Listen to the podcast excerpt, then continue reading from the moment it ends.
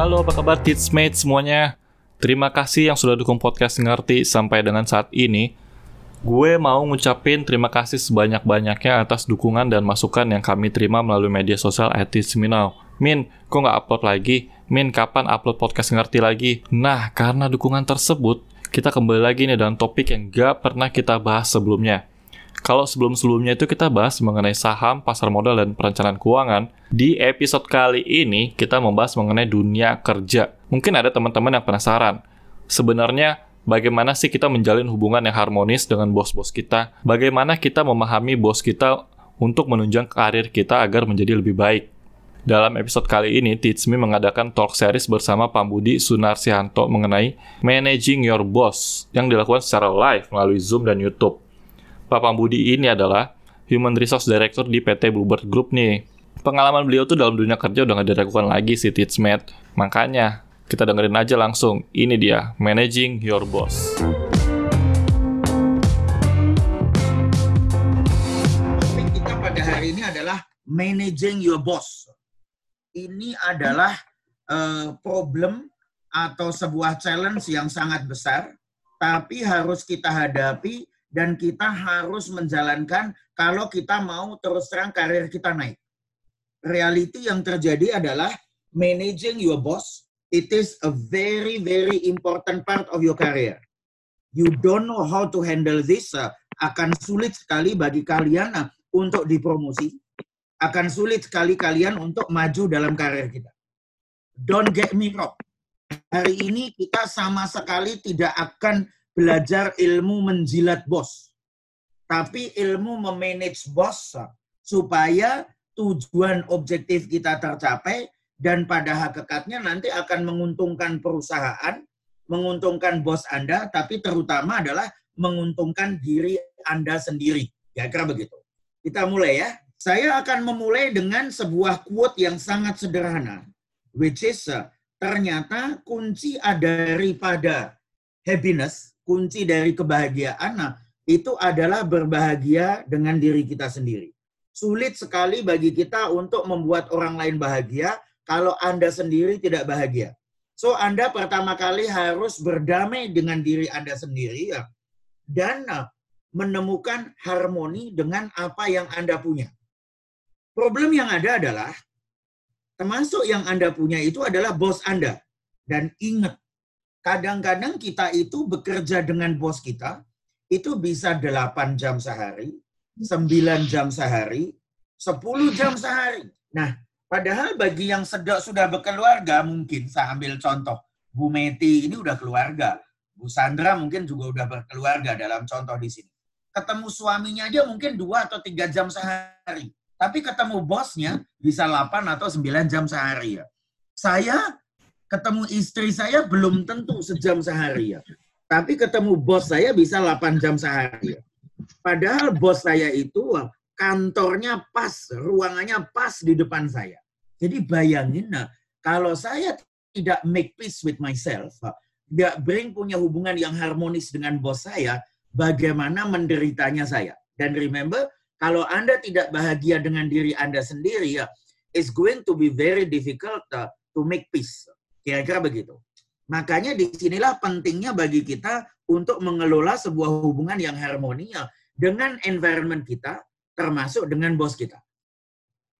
Saya mau nanya dulu nih, karena ini banyak sekali terjadi di kalangan HR, banyak sekali yang menggunakan kata-kata ini, bahwa people don't leave a job, they leave the boss ada yang bilang ini benar, tapi orang HR parahnya lagi ya, merasa bahwa ini 100% benar. Realitinya mohon maaf, saya pernah berada di sebuah tempat HR di mana saya harus mengelola sebuah hubungan seperti ini. Bosnya baik banget, mengembangkan karir, coaching, sayang kepada anak buahnya, tapi ternyata anak buahnya ditawari job di tempat lain. Nah, yang gajinya dua kali lipat. Dan itu terjadi. So unfortunately ya, kadang-kadang good boss juga tidak menjamin bahwa Anda juga akan stay. Jadi kalau ada seorang anak buah resign, jangan hanya menyalahkan jobnya, bosnya. mungkin perusahaannya, mungkin realitinya maaf, offernya yang terlalu menarik untuk ditolak. Saya nggak yakin di antara seluruh peserta di sini, 253 orang saat ini ya, kalau dapat tawaran kerjaan dengan gaji dua kali lipat, saya nggak akan yakin Anda stay. Realitinya begitu. Dan itulah kenapa kadang-kadang kita harus melihat sesuatu pada proporsionalnya. Why? Kenapa kita harus melakukan ini? Saya tulis di sini. Banyak sekali kata-kata yang di Indonesia tiba-tiba seolah-olah negatif. I give you an example. Kata ambisius. Kata ambisius itu seolah-olah kalau di Indonesia negatif sekali. Padahal ambisius itu berarti ya ingin mencapai yang terbaik. Cuman itu. Tapi di Indonesia kadang-kadang orang ambisi langsung dikasih konotasi, dia berambisi, dia pengen menjegal bosnya. Belum tentu kan. Atau menjegal temennya. Bisa juga orang itu ambisi ya, dan ternyata dia mematuhi semua peraturan. Nah, jadi hati-hati dengan kata-kata tertentu. Nah, sama. Di Indonesia kata managing your boss itu sering kali dianggap negatif. Karena managing your boss sering kali dianggap itu menjilat. Jadi ante-anteknya bos dan lain sebagainya. Mohon maaf, let me say, me, myself now. Saya terus terang menjadi HR Director di perusahaan, tiga perusahaan. Saya berkarir dari dulu sejak engineer sampai sekarang. Saya janji, saya belum pernah menjilat bos saya sama sekali. Well, pengen sih, karena beberapa kali bos saya wanita, cantik pula. But still, saya mencapai ini bukan karena saya menjilat bos saya, tapi because I know how to manage boss. Jadi langsung saja kita ke bagian nah, yang paling bawah, di mana saya menulis definisi ya dari apa itu managing your boss. Artinya adalah consciously, secara sadar, kita bekerja dengan bos kita untuk mendapatkan hasil yang terbaik demi Anda, demi bos Anda, dan demi perusahaan Anda. That's it. Oke? Okay? Jadi Anda bekerja. Contoh sederhana. Kalau ada anak buah, belum apa-apa udah gedek sama bosnya. Belum apa-apa udah nggak mau ngomong sama bosnya. Gue nggak mau, pokoknya gue nggak cocok sama bos itu. Atau ngomongin bosnya di belakang bosnya. Apakah kira-kira dengan begitu dia akan mendapatkan hasil yang terbaik buat dia, buat bosnya, atau buat perusahaannya? Of course not. Nah, itulah yang akan kita pelajari barrier ini. Bagaimana kita dengan sadar bekerja supaya kita mendapatkan hasil yang terbaik untuk kita, untuk bos kita, dan terutama untuk perusahaan kita. Jangan lupa untuk perusahaan kita.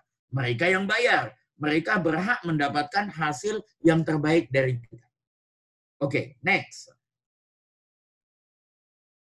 Sebuah buku yang saya rekomendasikan berjudul Five Sign of Dysfunctional Team. Dikarang oleh orang di bawah ini. Namanya Patrick Lencioni. Dia bilangnya begini.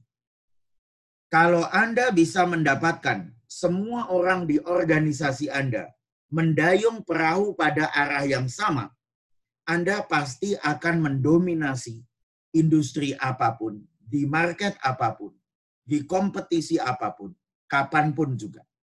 Oke, ini bahasa konsultan. Nah, artinya tentu saja dibikin supaya kelihatan canggih.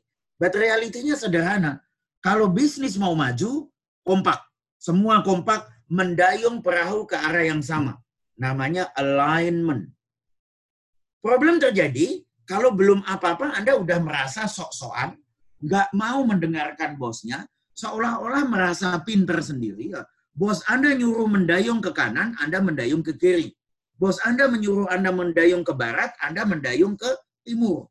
Nah, terus gimana perusahaan mau maju? So first thing first, ada konsep yang namanya alignment, atau bahasa sederhananya adalah Anda harus kompak. Nah, gimana kita mau kompak kalau sama bosnya sendiri nggak bisa dengerin? Itulah sebenarnya rahasianya kenapa kita harus manage the boss. Semua orang mendayung perahu ke arah yang sama. Bosnya nyuruh ke depan, kita ke depan. Remember, satu hal yang paling penting dan satu tulis saya tulis di buku saya yang pertama, Think Different adalah before you become a good leader, you need to become a good follower. Sebelum Anda mau jadi leader yang baik, Anda harus jadi follower yang baik. Realitinya begitu. Semua orang itu punya bos tapi punya follower. Jadi Anda jangan sampai belum apa-apa udah petentang-petenteng, sok-sokan sama bosnya, nggak mau diperintah sama bosnya. Nah terus perusahaan dan organisasi mau ke mana? Remember, kalau Anda nggak pernah jadi follower yang baik, Anda nggak bisa jadi leader yang baik. Dangerousnya apa? Karena toko buku dipenuhi dengan buku-buku yang judulnya leadership. Keren, seksi. Ya iyalah, bukunya pasti laris. Kenapa?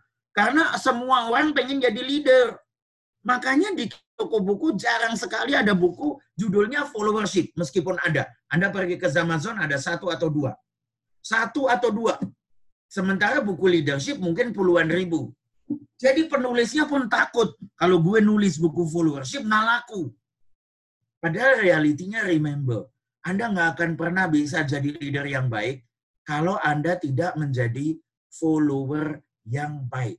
That's the reality uh, that we need to say and that what we need to discuss. Itu yang terjadi. Next. Terus gimana dong? Objektifnya apa? Lihat baik-baik. Managing your boss berarti adalah Anda membuat relationship yang sesederhana mungkin, nah, tapi nanti ada rewardnya. Rewardnya apa? Rewardnya adalah pada saat Anda, sebentar, ini saya terdistrek karena banyak yang sekali yang baru masuk. Jadi idealnya adalah Anda membangun suasana bisnis yang bagus, relationship yang bagus, Sedemikian hingga kalau Anda masuk ruang, bos Anda udah comfortable ngomong sama Anda, percaya sama Anda, positif, dan yakin bahwa Anda bisa dipercaya. Kalau udah gitu, Anda punya good start uh, supaya hubungan Anda jadi bagus. Remember, it's your job to make it happen. Karena kalau nggak dapat support dari bos, realitinya akan sulit sekali bagi Anda untuk menjalankan proyek-proyek Anda untuk menjalankan apa yang Anda punya. Dan kalau Anda tidak menjalankan, proyeknya gagal, Anda tidak mengembangkan diri secara learning point, lama-lama proyek yang menarik dan belajar yang bagus akan dikasih ke orang lain. And you didn't get it. Makanya your objective apa? Get the trust, get the most challenging assignment, assignment yang menantang, cari assignment di mana Anda belajar paling banyak, dan ingat, ujung-ujungnya kan buat Anda kan, supaya Anda bisa improve market value, mau di dalam atau di luar. Di dalam berarti dapat promosi. Kalau udah bertahun-tahun ternyata Anda nggak dapat promosi, it's okay. Berarti mungkin market value Anda ada di luar. Realitinya begitu. Next. Terus gimana dong? Nah, untuk itulah peta atau mappingnya jadi agak kompleks seperti ini. Jadi pertama kali ada checklist nih bagaimana memanage bos Anda. Supaya Anda bisa memanage bos Anda, pertama kali, Anda harus ngerti dulu goal dan objektif. Ingat, pemain bola harus tahu tujuan semua tim. Harus menang, mencetak gol berapa. Kalau begitu, Anda bisa kontribusi. Sama. Bos Anda juga punya objektif. Tanya, kira-kira prioritinya apa? Yang Anda lakukan adalah membantu bos Anda mencapai goal tersebut. B. Pressure. Ingat, bos juga manusia kan? Semakin tinggi levelnya, semakin tinggi pressure-nya. Berarti bos Anda juga udah pusing. Banyak pressure. Bosnya, bosnya dia mungkin lebih galak lagi ya. Customernya dia mungkin lebih galak lagi ya. So, dengan kondisi begitu, bos Anda juga pressure, berarti yang Anda lakukan adalah membantu dia memberikan solusi kepada dia. Jangan sampai ya bos Anda udah pusing, udah punya pressure, Anda malah memberikan masalah. Capek nanti dia. So remember, you are helping him. In the end of the day, by helping him, you are helping yourself. Say, mengerti strength dan weakness dia. Kenapa? Karena idealnya Anda adalah bos Anda adalah komplimen, bukan eh, eh, bukan substitute idealnya Anda mempunyai sesuatu yang menjadi kelemahan dia, dan dia mempunyai strength yang menjadi kelemahan Anda. Jadi secara teamwork jalan.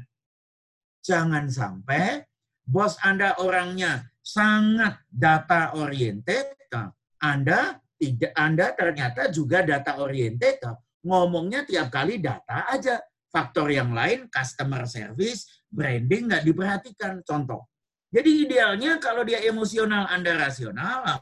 Kalau dia apa, dia apa, supaya Anda saling melengkapi. Kalaupun enggak, don't worry. Sesempurna-sempurnanya manusia, kan pasti dia punya weakness juga kan? Nah, cari weaknessnya dia apa? Apakah di proses, mungkin dia orangnya presentasinya bagus, ke customer bagus, tapi prosesnya berantakan. Atau mungkin nah, secara proses bagus, tapi kurang teliti ya atau secara ketelitian bagus, tapi nggak sabaran ngadepin orang. Kemudian Anda juga idealnya tahu working style-nya dari ya, bos tersebut. Supaya apa? Anda bisa menyesuaikan. Terus terang, ya mohon maaf, ada orang yang morning person. Kalau morning, nah, dia very good mood. You come with the solution on that night. Atau ada orang yang afternoon udah capek, lebih uring-uringan atau paginya ternyata biasanya dia tidurnya malam, pagi masih pusing, belum panas, belum minum kopi, ya mungkin dia masih uring-uringan. Understand their style. Remember, this is about helping him to helping yourself. Itu tentang bos Anda. Next, setelah tentang bos Anda, berarti sekarang Anda juga harus ngerti Anda sendiri. Karir dan goal Anda. Anda harus ngerti 2-3 tahun lagi Anda mau ke mana, Anda mau jadi apa mau dipromosi atau mau pindah ke bagian lain atau bagaimana. Strength dan weakness Anda, personal style Anda, dan apa yang development need Anda. Contoh, Anda jago di suatu bidang, tapi Anda perlu project management, harus memperbaiki itu.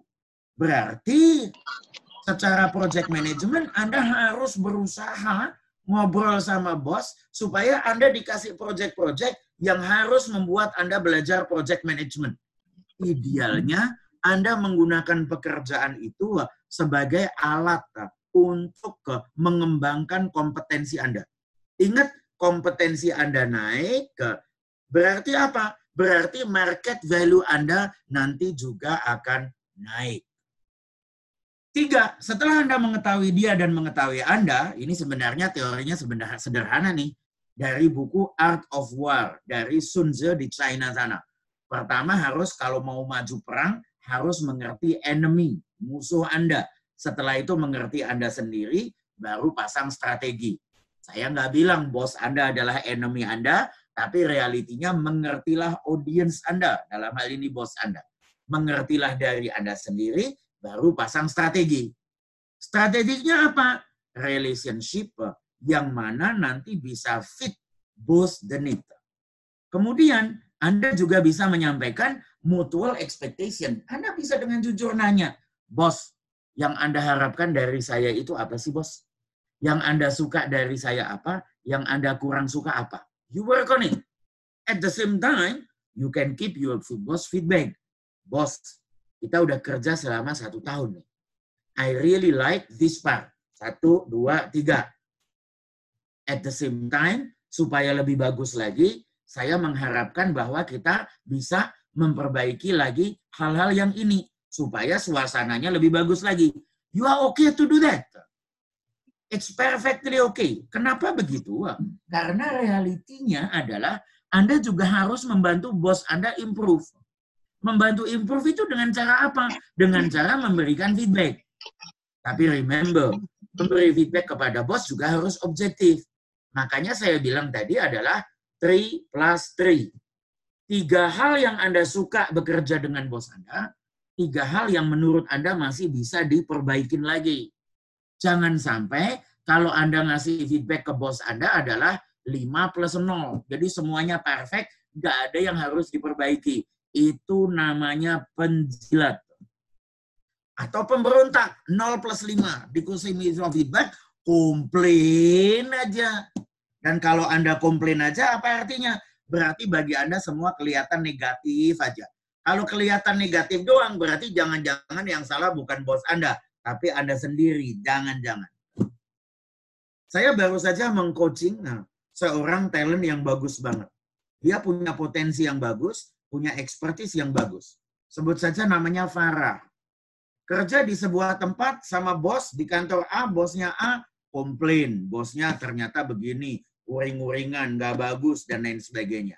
Pindah ke tempat B, di B dia komplain lagi, bos saya di sini pilih kasih. Pergi ke C, komplain lagi, bos saya begini keras banget.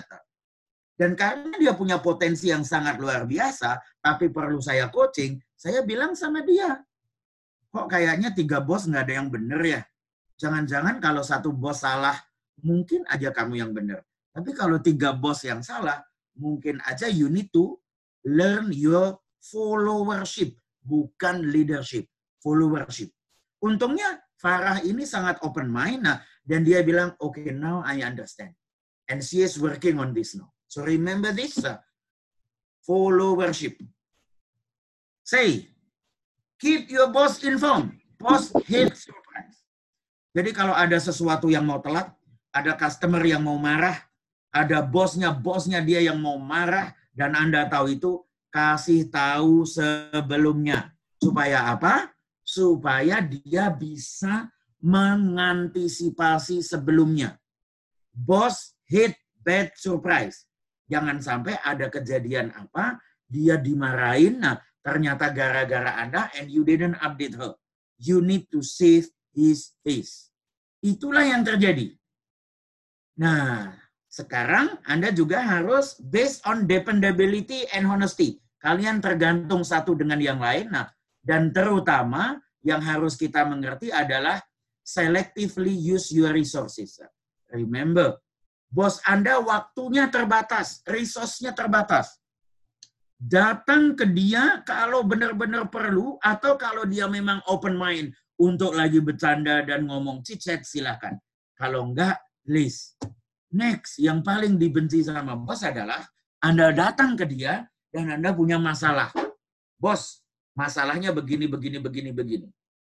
Terus Anda nanya begini, menurut bos gimana?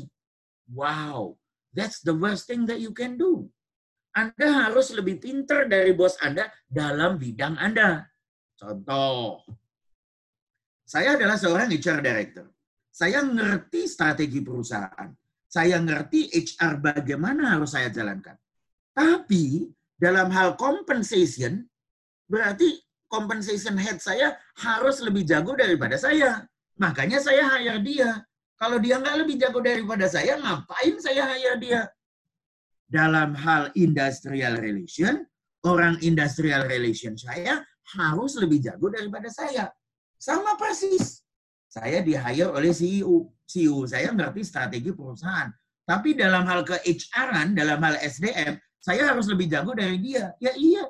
Saya pernah memanage SDM ah, di Danone, di Citibank, sebelumnya di Telkomsel.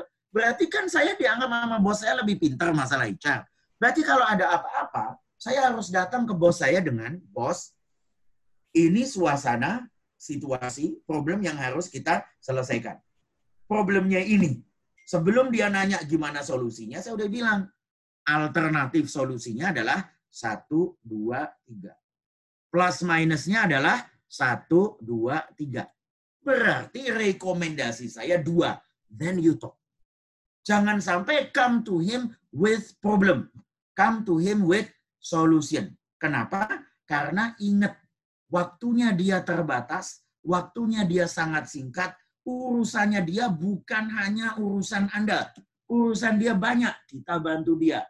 So you come to him with solution, you don't come to him with the problem. Kira-kira begitu.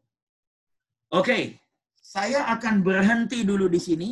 Nah, buat Teachmate yang ingin mendengarkan secara full, nonton aja videonya langsung di YouTube Tele Teach Me. Sampai ketemu di podcast selanjutnya.